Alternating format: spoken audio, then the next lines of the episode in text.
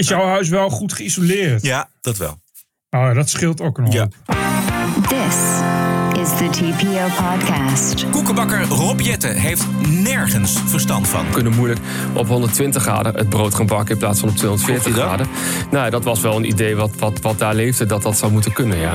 Gasprijs drijft Europese economie naar de afgrond. We have to live with completely crazy prices compared to anybody else in the world.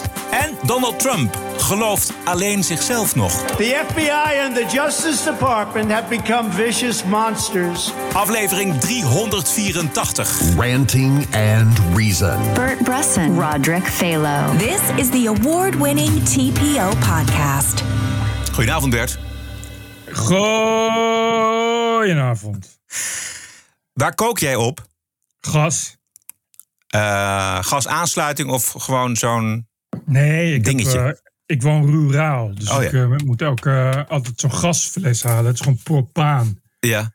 Maar dat is een, eh, eh, een, eh, gewoon zo'n zo'n witte plastic bus. Die kost eh, 13 euro en dat doe ik maanden Oh, mee. heerlijk. Heerlijk. En ik heb ook nog ik heb twee badkamers. De ene douche gaat op een elektrische boiler. En de andere heeft een douche en een bad. En dat bad gaat op een gijzer. En daar zit ook een gasfles. Ja. En dus die, daar heb ik, die gaat ja, de twee, tweeënhalf per jaar. Dus ik ben een paar tientjes per jaar kwijt aan gas. Goed, dus jij kijkt niet met angst en beven naar je nieuwe elektriciteits-CQ-gasrekening. Nee, ook omdat eh, het is hier natuurlijk niet zo koud. Ik heb wel, ja, in de, eh, in de winter zeg januari, februari, maart is het hier in huis wel koud. Dus dan stook ik wel, maar ik heb eh, houthaarden en ik heb elektrische kacheltjes. Maar ja, kijk, eh, ehm, ik betaal nu betaal ik iets van 60 euro per maand aan elektriciteitskosten. En dat is dan inclusief eh, wasdroger en alles. Ja. Dus de, en, maar, maar dat is dan wel op, ja, die is 15 cent per kilowattuur. Maar als dat omhoog gaat, als het vijf, zes keer duurder wordt, dan ga je echt, eh, denk een euro per uur aan zo'n elektrisch kacheltje betalen. Dus dan ga ik gewoon nog meer hout stoken. Ja, Precies. anders wordt het wel heel duur Ja, om je nee. huis te verwarmen. Ja, ja, ja, ja. Nee, ik, ik was eventjes hals over kop aan het zoeken, want ik vond nergens eigenlijk, ik wist helemaal niet bij welke maatschappij ik zat. Ik zat maar te zoeken en ik kwam helemaal geen e-mails tegen. Toen bleek ik nog een heel oud e-mailadres. Hebben ze daar van mij bij? Uiteindelijk blijkt Vattenval. Dus heb ik daar eerst die e-mailadres omgezet. En toen kwam ik erachter dat ik inderdaad eh 100 euro per maand betaal. En dat ze mij in het vooruitzicht stellen dat er een hele enge brief aankomt. waarin mijn eh, nieuwe termijnbedrag vanaf 1 oktober te zien zal zijn.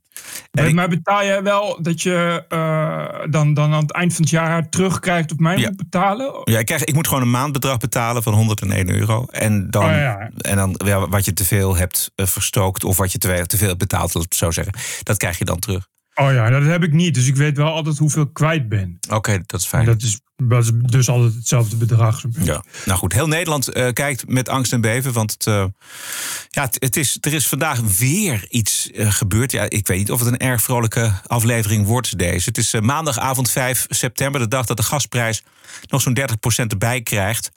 Omdat Poetin de Nord Stream 1 pijplijn dicht houdt. En Reuters meldt zojuist dat Poetin de pijplijn niet eerder opendraait... dan wanneer het Westen de sancties tegen Moskou opheft.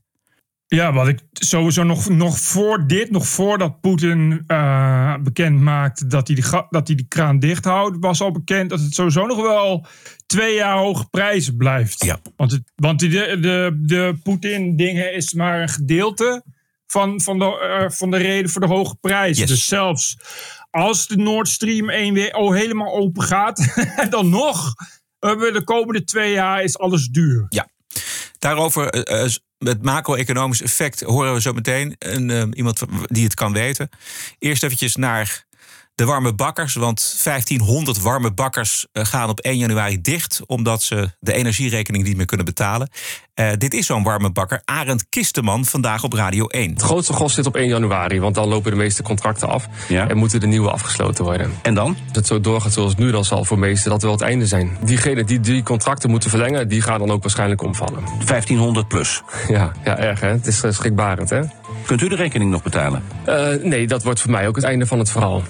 Dan hebben we geen bakkers meer in Nederland. Nou, dan, dan in ieder geval de helft van de, bak, van de warme bakkers houdt er dan mee op. Als het niet verandert. Als eh, de minister in al zijn wijsheid, Rob Jetten, daar niet iets, iets kan aanpassen. En anders dan wordt het gewoon eh, brood bij de... Dan moet je bij de supermarkt zijn. Maar dat is ontzettend jammer, want dan verdwijnen al die bakkers uit het straatbeeld. Hier in Ja. het centrum van Amsterdam, daar kom ik al... Nou ja, zolang ik er woon, 25 jaar. En dat is mijn bakker. En die, eh, als die het niet redt, dan is die vertrokken. Dan eh, wordt het gewoon weer communistische rijen voor de bakker. Ja, dat is precies. Voor de, voor de, de laatste bakker die er dan nog is. Daar mag je dan elke dag drie uur in de rij staan. Ja. Eh, ja, vreselijk hè? De Geen waar- brood meer. Nee. Dan. Nou, dan moet het volk maar cake eten. Ja. ja. Ik heb begrepen dat er eerder gesprekken waren geweest van de bakkersbranche met eh, de energieminister Rob Jetten, of in ieder geval met zijn ministerie. En Jetten suggereerde om het brood dan maar, let op, op 120 graden te bakken. We kunnen moeilijk op 120 graden het brood gaan bakken in plaats van op 240 Vroeg je graden. Nou, dat was wel een idee wat, wat, wat daar leefde, dat dat zou moeten kunnen, ja. Rob Jetten zei, dan bak je je brood Nou gewoon ja, op vooral 120 van graden? het, het algemene van ga eh, bezuinigen, ga, minder energie gebruiken. Hè, als die kosten zo hoog worden, dan probeer het dan maar op die manier te doen. Ja. Maar ja, dat is Nou onze... ja, ik ben, ik bedoel, ben niet per se een expert in bakken, maar ik weet wel dat je een brood niet op 120 graden kunt bakken. Nee. Dan wordt het namelijk niet gaar. Nee, nee, nee. Dus dan wordt het oneetbaar. Dus dat kan in onze... Hebben ze in Den Haag allemaal enig idee waar u mee bezig bent? Eh, ik denk het niet hoor. Nee. Wat hebben we toch voor een koekenbakker als minister van Energie en Klimaat? Ja, die heeft natuurlijk geleerd van zijn fout vorige keer. Dus die denkt, oh, de bakkers die eh, gaan ook op nucleaire energie. Dus dan eh, kunnen die wel op 120 graden, want dan nucleair is, is eh, spectaculair. Ja, maar dit dus. Dan krijg je dit, dit wordt dus, dat moet je je voorstellen. We hebben straks geen brood meer. En de reden dat er geen brood meer is, wordt dus beslist door mensen die niet eens weten hoe je überhaupt een brood bakt. Juist. Dit is dezelfde Jette van Energie die geen benul had, inderdaad, hoe je huizen kunt verwarmen op kernenergie. Dus dezelfde Jette die als enige in Europa gemeenten op kosten jaagt en daarmee Poetin steunt en dat niet in de gaten heeft. En 1500 warme bakkers adviseert om op 120 graden te bakken om niet failliet te gaan. Tja, 120 graden brood bakken. Succes. Dan kun je je brood net zo goed koken, denk ik dan. Dat is Ja. wel dan, als je toch op 120 graden gaat. Dat is een tip voor Rob Jetten. Als je straks even aan het koken bent thuis. Vraag eens of hij dat wel kan. Maar als je dat dan doet, kun je net zo goed wat deeg erbij gooien. Want kennelijk kun je op 120 graden, weet je, dan kan het op 100 graden ook wel. Toch, Rob? Hup, Rob. Ja, Rob. Eet smakelijk, Rob. Het echte ongemak in de samenleving is dat je Tuurlijk. weet dat je bestuurd wordt door kabinetsleden, bestuurders, ministers, staatssecretarissen die echt de ballen verstand hebben van de zaken goed aanpakken. Dat, en dat, maar ja, dat was natuurlijk bedacht. Van kijk, wat kan er nou misgaan met, met energie en klimaat? Of energie.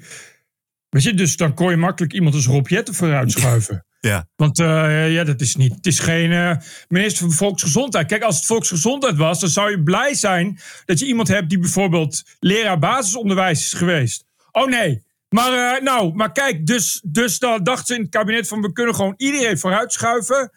Tot er dus een crisis is. En dan denk je, oh, hadden we nu maar een expert. Hadden we nu maar een zakenkabinet Ja. met mensen die, die, die verstand hebben van zaken. En dat is niet zo, hè? meer het tegenovergestelde. Dus nu heb je een crisis en mensen aan de knoppen die eh, eigenlijk alleen maar in staat zijn om van een crisis een nog grotere crisis te maken. Ik denk dat je gelijk hebt, want ik denk dat niemand in het kabinet had rekening gehouden met deze energiecrisis. Nee. Dus Rob Jetten, die, die was natuurlijk gepasseerd als fractievoorzitter, dus die moest minister worden. En hij, D66 is het klimaat wel toevertrouwd, zo werd er dan gedacht. Maar ja, dat er opeens dan zo'n enorm zware crisispost bij komt, namelijk eh, de energievoorziening in, in, in Nederland, waar die dan duidelijk geen verstand van heeft. Nee. Had niemand gedacht. Ik zag een energieanaliste Anne-Sophie Corbeau. Zij is Française van het eh, Center of Global Energy Policy op de Duitse Wereldomroep. En zij zegt dat het tekort zo groot is, gastekort is zo groot, dat zelfs het aanbod van Oekraïne om kernenergie te leveren, die hebben een aantal van die grote Ja. kerncentrales, dat we dat echt eh, serieus moet overwegen? I do not know the specificities about that, but I mean, it's not go. It, every kilowatt hour, every terawatt hour right now is welcome. I think you know we need to move away from ideology to pragmatism. Everything that we can bring back or keep, and I'm thinking about some nuclear power plants in Germany, is absolutely welcome during this winter. And also, I think politicians need to be extremely honest with the population. They should have been from the very beginning. They have been going around in the world trying to get additional gas supplies. They have not been focusing enough on the demand side. We need to reduce our demand, and it's a collective effort a little bit like what the Japanese did after Fukushima. We need to reduce our demand. Ja, eigenlijk een beetje wat jij vorige keer zei in de vrijdagshow. Het, de vraag moet naar beneden. We moeten Ja. knetter, knetter bezuinigen. En we moeten heel voorzichtig aandoen met ons energiegebruik. Zowel energie als gas. Ja, ik las vandaag, ik weet niet waar ik het las, maar een, iemand, een expert, eh een bekende naam, dat doet er even niet toe, maar een bekende Brit. Eh, eh, nou, Niall Ferguson. Die zei van, dit kon wel eens gewoon net zo'n crisis worden als in de jaren zeventig met de oliecrisis. Aha. En jij weet dat, Roderick. Ja. Toen, toen leefde jij al. Ja, zeker. Dus jij weet hoe, hoe lege snelwegen eruit zien. Ja, dat is inderdaad waar. Die werden toen ingesteld door eh, de, eh, minister eh, Den Uyl. Minister-president Den Uyl. Ja, dat was, toen kon er opeens geskate worden en gespeeld worden op de snelwegen. Mijn vader had een uitzondering, want er waren, die waren ook uitzonderingen. Als je een belangrijk beroep had, bijvoorbeeld mijn vader was luchtverkeersleider... die, die moest echt wel naar zijn werk. Maar die reed dan over een lege, bijna lege snelweg... naar luchthaven 16hoven. Maar eh, ja, hij zegt dus van, nou ja, de, de, de ingrediënten van nu zijn hetzelfde Ja, als eh, destijds. ja. Nog erger zelfs. Nog erger. En hij zegt van, het, het ziet er gewoon niet zo best uit. Nee. ja. Nee, het ziet er vreselijk uit. Want weet je, het punt is... Kijk, we, we, we denken natuurlijk na over hoe we zelf de boel eh, op orde krijgen. Eh, dat is heel logisch. Maar er zijn natuurlijk grote energieslurpende industrieën die uitgaan. We hebben net de bakkers gehoord als gezamenlijke groep. Maar wat dacht je van de hoogovens en andere? En de kassen bijvoorbeeld. Ik las vandaag Juist. een heel stuk in, over de kassen. Wat dacht je van alle koelhuizen waar onze appels en peren en Ja. onze vlees wordt bewaard? Als je dat moet doorrekenen, die energieprijzen, dan is het allemaal niet meer te betalen. Nee, eh, maar daar stoppen dus ook al. Er zijn al eh, aluminiumfabrieken die dichtgaan en dat soort dingen. Ja. Dus het, en dat wordt allemaal eh, steeds erger. Ik begrijp dat Zweden dus inderdaad de energiebedrijven eh, financieel garandeert op de financiële markten, omdat ze anders bang zijn dat ze inderdaad in een serieuze financiële crisis komen. Ja. Dus dat zegt al hoe groot de dreiging is. En het is een wel een beetje weer vergelijkbaar met 2008, toen de banken ineens allemaal omvielen. You got that. Absolutely. Nu, nu gebeurt zo'n beetje hetzelfde, maar dan met energiebedrijven. Maar dat is verder hetzelfde qua effect, denk ik. Ja, daar wordt het ook al mee vergeleken in Amerika. In Amerika hebben ze wat minder last van. eh, want daar zitten ze niet aangesloten op het Russische gas. Daar hebben ze zelf nog een beetje gas. Eh, maar dit is echt een groot probleem. En de vraag is, eh, en dat meen ik echt serieus, of onze minister Rob Jetten hier wel tegenop gewassen is. Als je, als je hoort Nee. wat voor uitspraken die doet. Nee, maar het is sowieso. Nederlandse ministers, er zit niet veel meer tussen ook. Daar hadden ze, ja, daar, ik, wat ik zeg. De- je zou nu echt nut hebben. Je had iemand van, eh, van Shell moeten, moeten inhuren of zo, weet je wel. Ja. Iemand die ook echt daar heel veel ervaring mee heeft. Maar eh, het, zal toch ook wel, het wordt toch wel Europees geregeld inmiddels. Ja, dat is, daar wordt hard over vergaderd. Ehm, nog even deze mevrouw Annie-Sophie Corbeau. Die heeft nog iets anders gezegd. Ze zegt, eh, de vraag moet dus naar beneden. Oftewel, moet, we moeten met ernstige bezuinigingen rekening houden. Want snelle vervanging is er niet. Het bouwen van een kerncentrale, ja, dat duurt jaren. Niemand kan in de toekomst kijken. Maar deze Corbeau die zegt dat we rekening moeten houden met eh, tenminste drie jaar. En denk even na hoe de Europese economie er na drie jaar met deze energieprijzen uit zou kunnen zien. What I'm afraid about is that this situation is going to go on for three years, right? Mm. Can you imagine how our industrial sector in Europe is going to survive for three years if they have either shortage of energy because they are going to be the first cut, or they have to live with completely crazy prices compared to anybody else in the world. Our industry is just going to be uncompetitive. We are at war. We are at economic war with Russia. I mean, people need to realize that. And we need to think as we should be thinking in terms of an economic war. Not try to timidly think, oh, yeah, maybe we can reduce a little bit. No, I mean, this is extremely serious. Juist. Dus niet een beetje bezuinigen, maar je economie inrichten als een oorlogseconomie. Dat is wat zij zegt. Ja. Nou ja, je moet de, eh, ineens nu eh, ook heel veel haast gaan maken met, met eh, eh, duurzame energie. Ja, Dat- maar Die richting ging ze toch al op. Maar ja, daar kun je niet, nu niet zo snel meer iets aan doen. Nou ja, bovendien, duurzame energie, als je het hebt over zonne- en eh, windenergie, de- dat is, die, die zijn onbetrouwbaar. Want soms, Ja. daar heb je op zich niks aan. Het gaat nu om vitale delen van je samenleving, van je economie. Het gaat Juist. om defensie, het gaat om luchtvaart, om, om grote, grote bedrijven die de economie, en kleine bedrijven die de economie draaiende houden. Beetje de kaasschaafmethode, denken van nou, eh, we gaan wat, wat sneller het licht uitdoen, et cetera. Prima, maar het ergste komt nog. Ik denk dat we gewoon eh, op een gegeven moment gaan rantsoeneren. Dat je eh, elke dag vier uur lang geen stroom en gas hebt en dat soort dingen. Dat kan, want mensen met een slimme meter zijn sowieso de lul. Ja. Want ik las in Amerika hebben ze gewoon mensen met een slimme meter werd gewoon overdag de stroom uitgezet. Dus wat dat kan, dat is dan het voordeel van slimme meters. Want die zijn gewoon eh, aangesloten op, eh, op de elektriciteitsbedrijf. Dus die kan er voor jou alles regelen. Ja. Dus die gaan dan straks als eerste gaan al die eh, slimme metergebruikers. Die Oh. kunnen straks geen, geen televisie meer kijken. Maar dan worden de mensen echt boos. Als ze geen televisie meer kunnen Ja, kijken. Ja, precies. Ja, ja, ja. Ik las toch ook een goede suggestie afgelopen dagen in een ingezonden stuk van Jeroen Smit in de Volkskrant. Zijn idee: compenseer de Groningers snel en ruim. Ja. En gooi de gaskraan in Groningen helemaal open. Daarmee sla je eigenlijk vier vliegen in één klap. Eén, je hebt voldoende gas om huishoudens en industrie te laten draaien. Twee, je kunt gas exporteren, wat een geweldige inkomstenbron genereert. Drie, gasprijs zal iets dalen vanwege het eh, groeiende aanbod. En vier, je naait Poetin door niet meer afhankelijk te zijn van Russisch gas. Ja, en dat, ik, vond het, ik dacht ook van als je nou gewoon al die mensen die, eh, die boven het gasveld eh, wonen. Je weet, je weet toch waar, waar die verzakkingen gaan komen. Ja. Begrijp ik? Dat wist ze al heel lang geleden. Toen deden ze er niks mee. Dus maar iedereen weet nu dat ze dat weten. Dat je gewoon al die mensen koop je een huis op. Nou, dan kun je gewoon, dat hele, de- gewoon maximaal die hele gasbel helemaal leeg trekken. Want eh, aardbevingen, ja, dan, die mensen, daar woont niemand meer dan. Ja, ik weet niet of het, zo, of het zo rigoureus bedoeld was, maar dat zou een mogelijkheid zijn.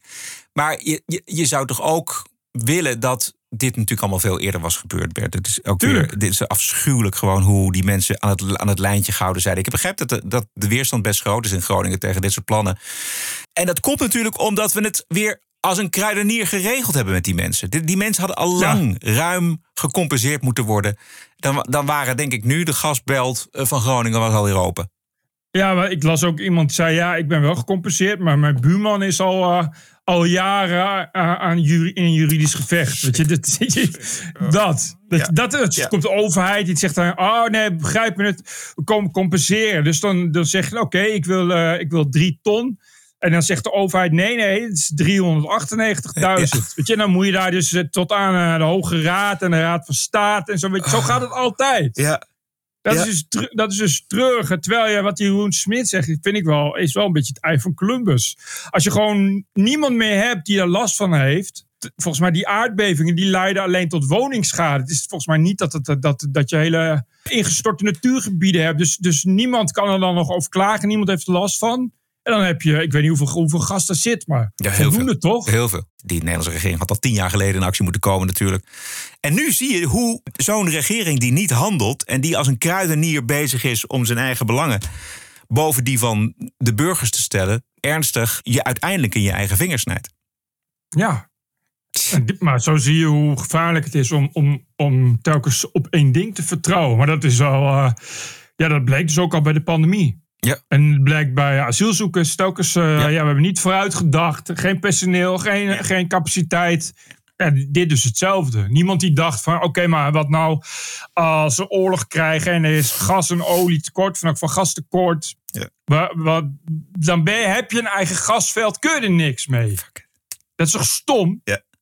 Dat is gewoon raar. Zeker nu. Weet je, ik snap dat je zegt, ja, Maar goed, we kunnen heel makkelijk goedkoop gas inkopen. En het enige, als we dat gasveld sluiten, kunnen we niet meer exporteren. Dus dan verliezen we. Maar oké, maar terwijl nu is het echt nood aan de man. Juist. Je, heel Europa eigenlijk zou ervan kunnen profiteren. Of in elk geval je buurlanden, denk ik.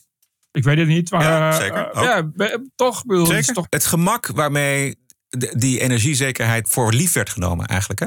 eh, gas eh, is maar voor een gedeelte kun je dat maar verschepen. Dan moet Ja, je ja, vloeibaar, vloeibaar gas en de rest gaat dus via pijpleiding. Dus je bent dan wel inderdaad aangewezen op, op eh, Het was Op Rusland. Precies, het was ideaal geweest als Poetin een, een vreedzame eh, niet-KGB'er was geweest. En gewoon had gedacht van nou weet je, we gaan een mooie toekomst in Europa gezamenlijk tegemoet. Nee, dus dat is niet het geval. Nou, misschien, misschien kunnen ze ophouden met sancties tegen Poetin. Ja, nee, maar dus, kijk, de vraag is hoeveel je, daar, hoeveel je daaronder wilt lijden. Want daar komt het dan wel op neer. Dat straks mensen eh, sterven van de kou en de honger, omdat er ook geen bakkers meer zijn. Eh, die, dus mensen kunnen dan alleen nog maar cake eten. Nou, dan krijg je, al- eh, in Nederland krijg je dan Ethiopië taferelen met kinderen met bolle buikjes en alles. Ja. En, dan, en, dan, en dan moeten dus mensen uit Ethiopië komen dan van, eh, we komen jullie hulp bieden. En dan zeggen dan van, eh, wat is er aan de hand? Dus dan krijg je in Ethiopië Bob Geldof live eet toestanden en zo. En dan, ehm, dat, dat, dat wens je niemand toe, weet je. En, maar, maar, en, dan, eh, en dan komt Bono van U2, die komt zeggen, oh, ik met jullie mee, daarom betaal ik nooit belasting Ja. en zit ik in Nederland. Wat ik wilde zeggen is, dan moet je dus tegen die mensen zeggen, ja, waarom sterven jullie kinderen? En dan moet je dus zeggen, ja, omdat eh, anders eh, kunnen we geen sancties tegen Rusland. Dan zegt toch iedereen, ja, oké, maar dan doe dan maar weg met die sancties. Ik denk als het zover komt dat we dan nog wel eens de sancties zullen heroverwegen. Maar er is ook Ja. iets voor te zeggen om eh, nou niet meteen Poetin zijn zin te geven. Nee, dat, dat snap ik. Ja. Maar als het niet, echt niet meer anders kan, je kan Ja. toch moeilijk jezelf ja, laten degraderen tot een, tot een eerste of een derde wereldland. Alleen maar om Poetin dwars te zitten. Maar dan, dan, komen, dan komen de Amerikanen ons weer redden. Hebben ze in 45 gedaan, Oh, kunnen ze nu weer doen. Marshall. Marshall hulp Ja. eh, een eh, Zweeds wittebrood Ja. uit vliegtuigen. Precies.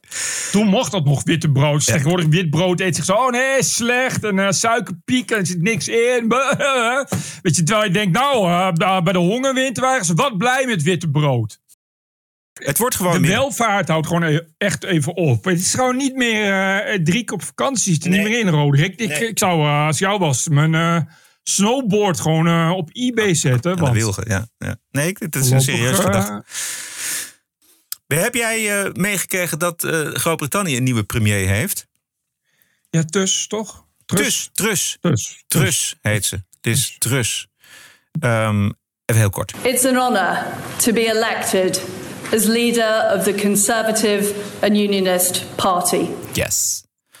Ik heb een beetje zitten kijken wat het nou precies voor type is. Want dat, dat moeten we allemaal maar afwachten. Maar ze was ooit te- fel tegen de brexit. En nu is een van de felste voorstanders. Oh, Ja, ze pleit voor lage belastingen. Ze noemt een vrouw een vrouw. Dus van woke moet ze allemaal niks hebben. dat vind ik wel leuk. En nou ja, ze heeft twee jaar om zich te bewijzen. Want de volgende algemene verkiezingen zijn over twee jaar. Wat gaat ze doen met de energie? Want eh, in Groot-Brittannië is het nog erger dan in Nederland. Ik geloof het wel, ja.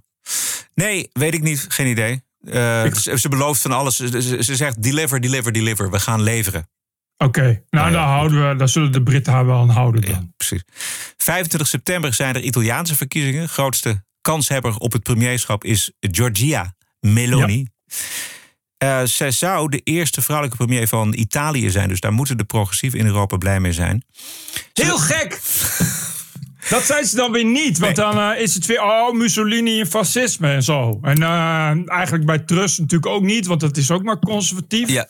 Eh, als het dan een Labour is, is het, oh, eh, vrouw, hoera. Maar anders dan is het nee, niks, stilte. Nee, precies. Groot-Brittannië en Italië gaan ons voor.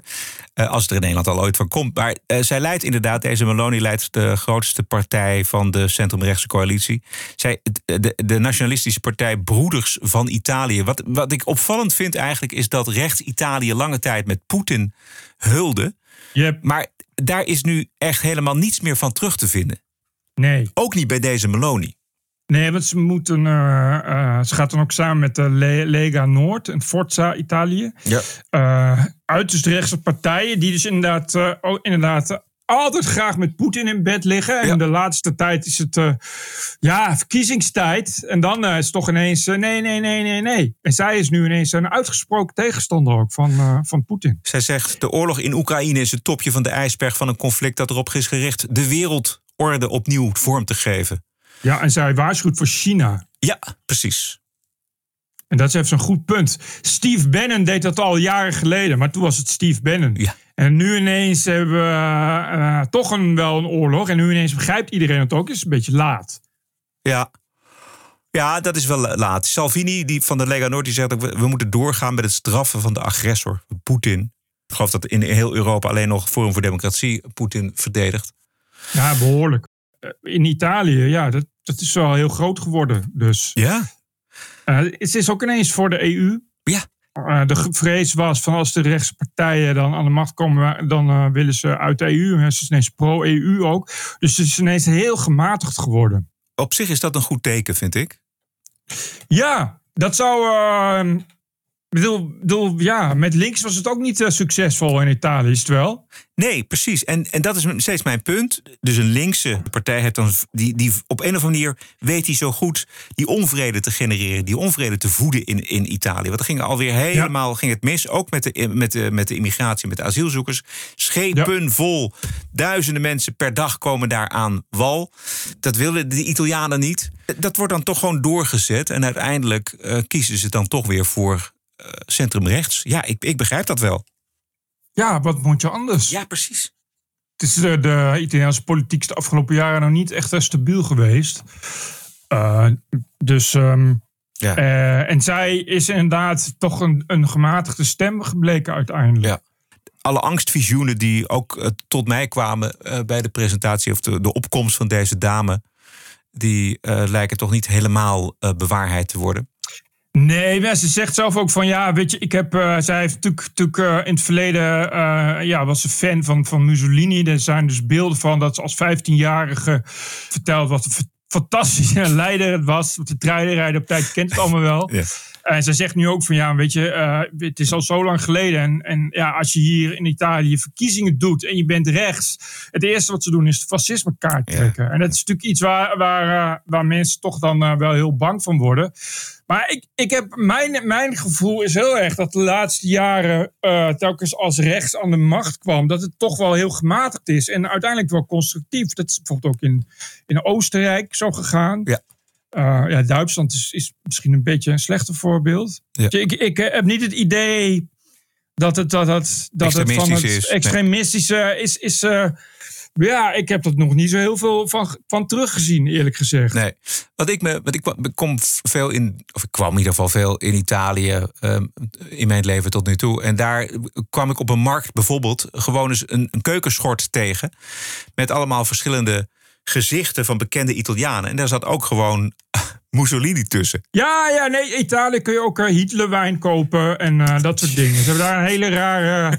eh, dat gaat er nu wel een beetje uit ook. Dat hebben ze nu eindelijk afgeschaft. Maar dat is inderdaad, ze hebben natuurlijk... Maar ja, ehm, kijk, die hebben natuurlijk ook een hele andere connotatie met, met de oorlogen. Dat is in Indonesië is het ook zo. In Thailand, daar eh, heb je gewoon een lui die noemen een café gewoon Adolf Hitler of Hakenkruis.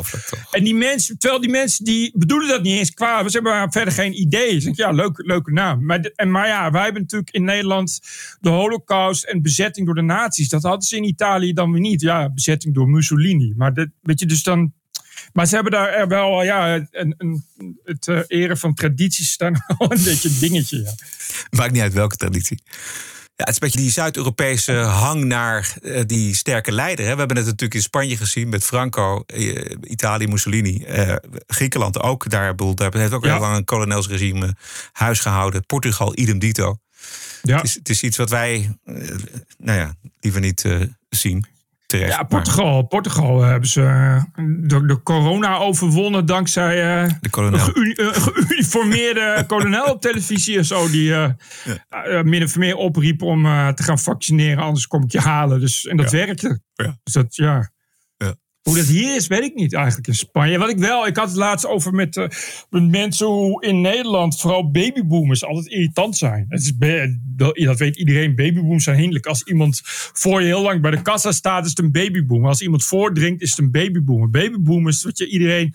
eh, en hier heb je het helemaal niet. Omdat de babyboomers hier, die zijn allemaal opgegroeid onder Franco. Dus die zijn allemaal keurig afgericht. Oh, is dat, wie zei dat? Is dat jouw observatie of zei iemand dat het is uit... mijn, mijn, mijn observatie. Ja. Als, als ik hier, hier eh, heb je helemaal gewoon de, de, de, de bejaarden en dus mensen in babyboomersleeftijd zijn hier echt de omgekeerde van in Nederland. In Nederland denk je dan Freek de Jonge en Joep van het Hek geeft ze een podium en, en ze nemen gewoon alles in. Weet je, dan moet je echt, eh, moet je echt eh, mensen voor waarschuwen. Maar bij de kassa bijvoorbeeld?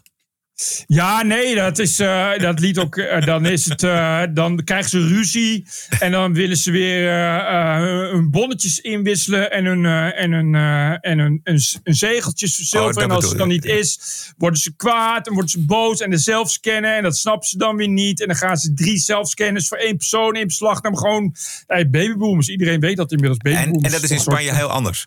Nee, ja, serieus. Dat is echt, de mensen zijn opvallend. echt st- stil en bescheiden. Maar toen dacht ik dus, hoe komt dat? Maar ja, die zijn dus opgegroeid. Ja. de- die, die, Onder Franco. Ja, dat is Franco toch? Als je in 1945 tussen 1945 en 1955 bent geboren, dan heb je gewoon de hele... Ja. Dat is, eh, Franco was wat... eh, Franco was die, 78 begon, of zo. die begon in eh 37 en Ja. de, die eindigde in 76 volgens mij. Ja, zie je dus, dan heb je echt die hele, die, je hele jeugd opgegroeid onder. eh, Ja. Gewoon, gewoon, normaal, gewoon normaal afgericht. Ja. Dus dat, dat merk je hier, merk je het veel minder. Ja. Voor de zaten er ook een hoop nadelen aan Franco. Trouwens. Dat schijnt, dat schijnt. Maar goed, dat zeggen ze bij Hitler ook, weet je. Jezus. Terwijl, ik heb gisteren de, eh dus een nieuwe bewerking van de Wannsee-conferentie. Oh, Daar, is, eh, daar was al een, een, een Britse speelfilm, of een ja, Amerikaanse zeker. ooit. De, de, hoe heet die ook weer? De, Conspiracy. Nee, ja, Conspiracy, Conspiracy. Ja, ja, fantastisch. Eh, maar dit- nu is er een nieuwe, die is eh, dit jaar uitgekomen. ja. Dat is een eh, A tot Z eh, reenactment, helemaal in het Duits. En ik heb gisteren gekeken, maar eh, ik moest er toch wel even weer van wakker liggen. Ja. Zo goed gedaan, dat je toch, eh, ook al ken je de afloop, Ja. je, je denkt toch van... eh, huh, Oh, dat is toch wel, ja, dat is wel erg wat er gebeurd is. Ik kan Maar bedoel, ja, maar vooral ook de manier waarop dat gebeurde. het is zo goed geacteerd. Ja, en ik denk ook dat die Duitse taal nog, nog meer indruk maakt. Juist. Want ik vond die Engelse Juist. taal al ongelooflijk heftig. Ik vond het zo super gespeeld. Maar de ijzigheid waarmee de, de organisatie van de Jodenvernietiging wordt georganiseerd. Dat groepje mensen aan die tafel. Ik dacht ook van Jesus Christ, die acteurs die zullen toch wel wat slechte nacht hebben gehad. ja. Daar word je toch wel even stil van. Als je, omdat je, als het je eigen geschiedenis is, dat je dat dan acteert en dat je denkt van, ja, ja eigenlijk mijn opa kent die mensen Ja, nog. Weet ja. je wel. Dat lijkt me echt verschrikkelijk. En het is echt, ah, ik dacht van ja, dat, dat is toch, eigenlijk zouden ze dat moeten laten zien in plaats van altijd dezelfde Holocaust Memorials. Dat je denkt van, omdat het zo erg de vinger op de zere Ja. plek legt. Wat is het volgens jou? De, welke, wat is de zere plek? Ja, de geïndustrialiseerde, de kille cijfermatige. Het is gewoon een vergadering van anderhalf uur. Waarin Heidrich gewoon wil even de, de, de alle neuzen dezelfde kant op wil krijgen. Ja. En dan dus snel even, even besluiten. Ja. Pats, pats, pats. En, en, en als ze doen dat, eh, dan de hele tijd, dat is, dat is misschien het erg, omdat ze alles in een eh, verbloemd jargon doen. Daar waren Hm. ze in die tijd al aan gewend, omdat ze in die tijd natuurlijk al heel lang bezig waren met, met, eh, eh, met die Einsatzgroepen en, en met het afslachten van Joden. En dat heet de hele tijd. Het wordt eh, ook verteld alsof het gewoon om een industrieel proces gaat. exact. Logistiek. Dit is, daar gaat het Ja, om. logistiek. En, Ja. ja. dat, en die Eichmann is zo mooi gespeeld. Ja. Omdat die alles, die Heidrich, die zegt van de hele tijd Eichmann. En dan staat hij op en dan gaat hij vertellen. En ah, gewoon heel flegmatisch. En die Eichmann heeft alles geregeld. Die heeft alles, telkens als er een vraag is, op, trekt hij die cijfers uit zijn tas. Ja. Sowieso, die Engelse film is, is, het, is de moeite waard eh, om te kijken. Maar deze, dus, waar heb jij hem gezien? Zo'n ja, zo'n videosite. Ja, Eh, op, wat, een- op een eh, streamingsdienst? Of? Ja, nee, eh Pathé Online of zo. Oh ja, dat zou kunnen. Of had ik hem gedownload? Ik weet het niet meer. Nee, eh, maar het is, Dat die acteurs dat uit hun mond krijgen, wat, wat daar over tafel gaat, is onvoorstelbaar. lijkt me echt heel zwaar, Ja. serieus. Omdat je dan zo erin zit. Ja. Dat je dan niet... niet Wat je zegt, dat, raak je gewoon niet kwijt. Nee, nee, nee. En je kunt eh, die, die, die- dat gebouw aan die Wandzee, eh, waar die conferentie gehouden is, dat is, die is ook als museum. ehm, ik ben daar een keer geweest en dan kun je rond die tafels lopen. Oh ja. Ja, Oh ja. Ja, ik, dat is. Dat, ik las dat het pas echt heel laat, eh, pas een museum is geworden. Ze hebben daar heel lang nog gewoon een, eh, een school gehad en Ja. dat soort dingen. Ja, Ze er kon- gewoon geen geld aan uitgeven. nou, Eh, pres- het was, lag ook in Oost-Duitsland en daar- die wilde daar geloof ja. ik eh, verder niet zoveel eh, nee, die, mee van doen hebben.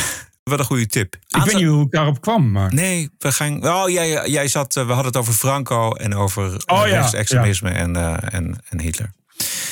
Eh, laten we het even hebben over aanstaande vrijdag. Want eh, vrijdag hebben wij altijd de Woke Week. In de TPO-podcast op vrijdag, de Wokweek. Ook in de wiskunde valt nog genoeg te decoloniseren. Het absurdisme. You're an adult. Grow up. Deal with it. De terreur. Shit. En het verzet ertegen. This cancel culture is gonna end, end, end. De Wokweek. In de TPO-podcast op vrijdag. Ja, op vrijdag gebeuren altijd hartstikke mooie dingen. Vrijdagshow is te beluisteren door een abonnement te nemen van nog geen 50 eurocent per show. 50 eurocent. 4 euro per maand is dat. Ga naar tpopodcast.nl. Kom je vanzelf op onze petje af pagina en daar wijst alles zich vanzelf. Doe het nou, want dan kun je genieten ook weer op vrijdag van de TPO podcast. Zoals vroeger. Het is ook eh 40 euro per jaar. Nou, daar kun je nog ineens een kwartier je huis van verwarmen binnenkort. Precies. tpopodcast.nl, daar moet je dan zijn voor eh, aanstaande vrijdag. Hadden we nog post binnengekregen of is, nog steeds, is die ook Ja, opgedroogd? ik kon hem niet meer vinden, dus die ga ik nog even uitgebreid zoeken. Die was wel geinig, maar die komt al volgende week. Oké. Dan is er nieuws uit Amerika. TPO Podcast. Ladies and gentlemen, the President elect of the United States. This is CNN breaking news. We have never, ever, ever, ever failed in America. It's an incredible way of putting it. Telling the truth matters. It's an incredible way of putting it. This is a Russian intelligence disinformation campaign. Why isn't Joe Biden angrier about all of this? How stupid can you be? This is a classic example of the right wing media machine. It just lacks credibility. Go ahead. 8 november, dat is over twee maanden, zijn er tussentijdse verkiezingen in Amerika. De Republikeinen die stonden er goed voor, maar de voorsprong is zo goed als weg. En het kan zomaar een overwinning voor Biden en de Democraten worden. En dat komt hierdoor. it it really is as as close as it could be. And you know now we're we're going into labor day weekend. This is sort of like the official start of the hot campaign season. This is also when pollsters start to shift from their um, registered voter models to their likely voter models. Those usually favor republicans more. So we'll see how that changes the dynamics. But um, you can see here n- none of these races have been been put away by any of the candidates involved. Absolutely correct. Ja. Het is gewoon een nek-aan-nek race. Dit waren weer de dame en heer van eh, Breaking Points. Maar zo goed als, als de Republikeinen ervoor stonden, een half jaar geleden, staan ze er niet meer voor, Bert. Ze hebben natuurlijk een hoop verloren door, door al die Trump-shit, denk ik. Yes, yes, yes. En eh, een van de meest opvallende zaken gebeurde in Alaska. pretty big surprising news we got out of Alaska last night, which is that a Democrat won their at large congressional seat, defeating Sarah Palin. Yep. Um, the one and only hockey mom herself. Um, Pitbull. Yeah, Yeah. that's right. Pretty interesting. It's a first time in a long time a statewide seat has gone to a Democrat in Alaska. 1972, apparently.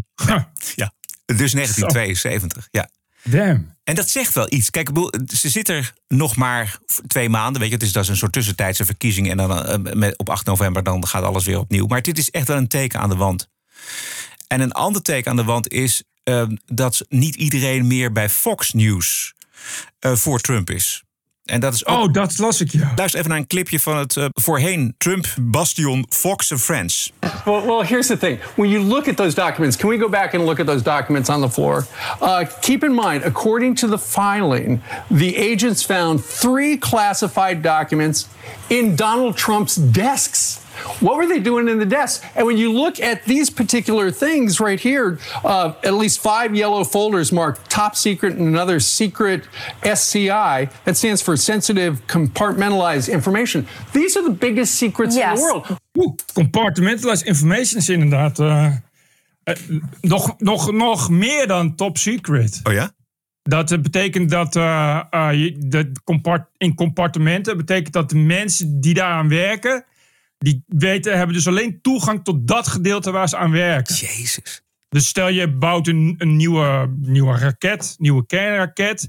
Dan heb je dus iemand nodig die de neus doet en iemand het middenstuk en iemand de staart. En dan elk van die drie weet dus alleen maar dat die, dat die eh, een ding bouwt, maar niet dat het een hele kernraket wordt. Top, is- top, top, top secret. en, en de vraag is dus inderdaad, wat moet hij daarmee? Ja.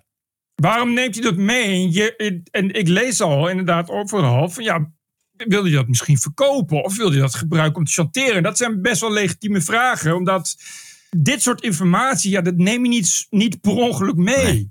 Wat, wa- waarom neem je dat mee? En dat is heel raar. Dat is echt heel raar. Het is een rare avonturier. Ik denk dat ook, tenminste dat zien we ook aan die elections, dat steeds meer republikeinen daar ook een vervelend gevoel van krijgen. Ik bedoel, er is nog niet een nieuwe eigenlijk, maar, of een vervanger voor Trump. Maar dat, dat ze democratisch gaan stemmen is ook dat ze niet op Trump willen stemmen. Nee, dat snap ik. Ja, dat snap ik ook. De, de- de- we- alle normale republikeinen, laat ik het zo zeggen, die denken nu natuurlijk ook van ja. Maar dan, ik, dan moet je dan maar eh democratisch stemmen. De midterms is het huis of, of de Ja, senaat allebei. of beide? beide. Volgens mij beide. Eh, huis En- en, en hoe- senaat. Ja. Hoe staat het er nu voor? Want ik weet Ja, het is een nek-aan-nek race. Wat die, volgens die eh, Crystal van Breaking Points is het een nek-aan-nek race. En dat was voor die FBI-raid was dat nog duidelijk dat er wraak zou worden genomen op, op Biden. Want Biden leverde ook maar niet. En eh, Biden Ja. levert de laatste tijd steeds meer op allerlei onderdelen. En zijn approval rating eh, die is gestegen de afgelopen maand. Nog niet voldoende, maar Ietsjes. wel ietsjes, precies. Dus, dus die democraten zitten in de lift. Ja, zo, zo. Ik denk altijd, als je. Als zelfs Fox News je niet meer trekt, Nou, ja, dan precies. weet je voldoende. Ja. Maar als je kijkt naar, ehm eh, weet je, die shit van Tucker Carlson, wat er af en toe voorbij komt, dat is Nederlandse nepnieuws en desinformatie, is daar niks bij. Ja. Weet je, maar bij Fox, de, de gemiddelde Fox News kijker vreet dat. Eh, maar als je dus inderdaad ook, ook nu hoort dat, dat ze zelfs bij Fox News zeggen van ja, we vinden het allemaal leuk en aardig, maar dit gaat ons te ver. Dat is toch wel extreem dan. Ja. Dan moet je toch weten dat het dat er echt iets heel ni- niet goed is. Zowel Biden als Trump die hebben eh, afgelopen weekend een eh, speech gehouden. Dit is eh, Trump over de FBI. They rifled through the First Lady's closet drawers and everything else, and even did a deep and ugly search of the room of my 16 year old son. Leaving everything they touched in far different condition than it was when they started. Can you believe it? The FBI and the Justice Department have become vicious monsters controlled by radical left scoundrels, lawyers, and the media who tell them what to do, you people right there, and when to do it. Ja. Dit zijn FVD-teksten, zei dit. Weet je wel? Dit is, Ja, ja, dit, ja. Hè? Dit, is, eh, dit is opstoken met dingen die je zelf eh, bedenkt en verzint. Ik wou net zeggen, de, die kloof wordt voorlopig niet meer gedicht. Soort woorden. Nee. Overigens heb je ook Biden, want die kon er ook wat van. Die Ja. kwam ook eh, ineens hard uit de hoek. Ja, zeker. Biden zit hier. Eh, ja, die, was, eh, die gingen flink in de aanval tegen Trump en de hardcore MAGA-fans. Donald Trump and the MAGA Republicans represent an extremism that threatens the very foundations of our republic. Now, I want to be very clear, very clear up front. not every Republican, not even the majority of Republicans, are MAGA Republicans.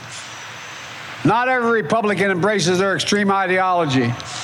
I know because I've been able to work with these mainstream Republicans.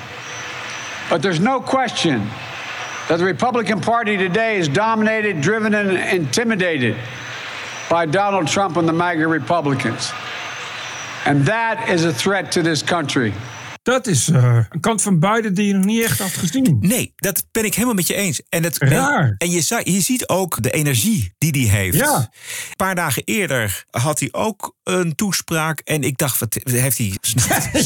Snuift hij iets? Gebruikt gebruikt iets? of zo, ja, ja. ja, luister. You can't be pro law enforcement and pro insurrection. You can't be a party of law and order and call the people who attacked the police on January 6th patriots. You can't do it. What are we teaching our children? Ik weet niet hoe groot die, die eh, MAGA-gemeenschap is. Maar Een gedeelte volgens mij van de Republikeinen. Maar de, de anderen die zullen toch eh, steeds harder daarvan weggaan ook. Ja. Die en zeker van- omdat, van- ja, ja, ook omdat de teksten. Wat we net hoorden was eh, Trump over zichzelf. Over de FBI die hem, voor hem een onderzoek doet. Dus niet gaat niet over. We gaan het land eh, opbouwen. We gaan. eh, Nee. hè? Dus het is, het is niet meer wat het was in 2016. Nee, precies. Nee. Trump had nog wel één grappig dingetje over de afhankelijkheid van Poetins gas. You see where I'm getting a lot of great press because I told Germany, don't make a deal with Russia on the pipeline. And they said, oh, that's so funny. I actually sent, during a meeting, G7, I sent Angela, Angela Merkel, a white flag of surrender. She said, Donald, Donald, but why do you send me this white flag? I said, Angela, because you're going to surrender. 75% of your energy is coming from Russia. If you look back over the decades, Russia and Germany haven't done too well together. When there's a war, when there's a problem, they'll just turn off Nord Stream 2. And Angela, you're not going to be able to defend yourselves. Oh, that will never happen. Well, that was about two years ago. The only thing I never thought was going to happen this fast. And now they're giving me great. Remember, I made the speech at the United Nations, and the German delegation was all smiling. They thought it was so funny. They're not smiling now. He said it better than me. They're not smiling now. Ja, daar heeft hij eh, 100% gelijk in gehad. Dit is dan wel weer een leuke speech. precies. Waarin hij dus inderdaad helemaal gelijk heeft. Nou, hadden we nog, Ja, hebben we nog dingen nee, vergeten? Ik, ik geloof het niet. Nee, hè, we, hebben, we hebben een hoop. eh, In deze roerige tijden hebben we een hoop aangehaald. Zo is dat. Dit is de TPO-podcast elke dinsdag en vrijdag online via je favoriete kanalen. Vergeet je abonnement niet voor de aanstaande vrijdagshow en voor alle vrijdagshow. Je steunt ons, de TPO-podcast, je eigen favoriete podcast... voor minder dan 50 eurocent per aflevering. Dat is 4 euro per maand. Je krijgt daarvoor twee keer per week de podcast met... In de vrijdagshow, de one and only Woke Week. Ga naar tpopodcast.nl. Kom je vanzelf bij het Petje Afpagina.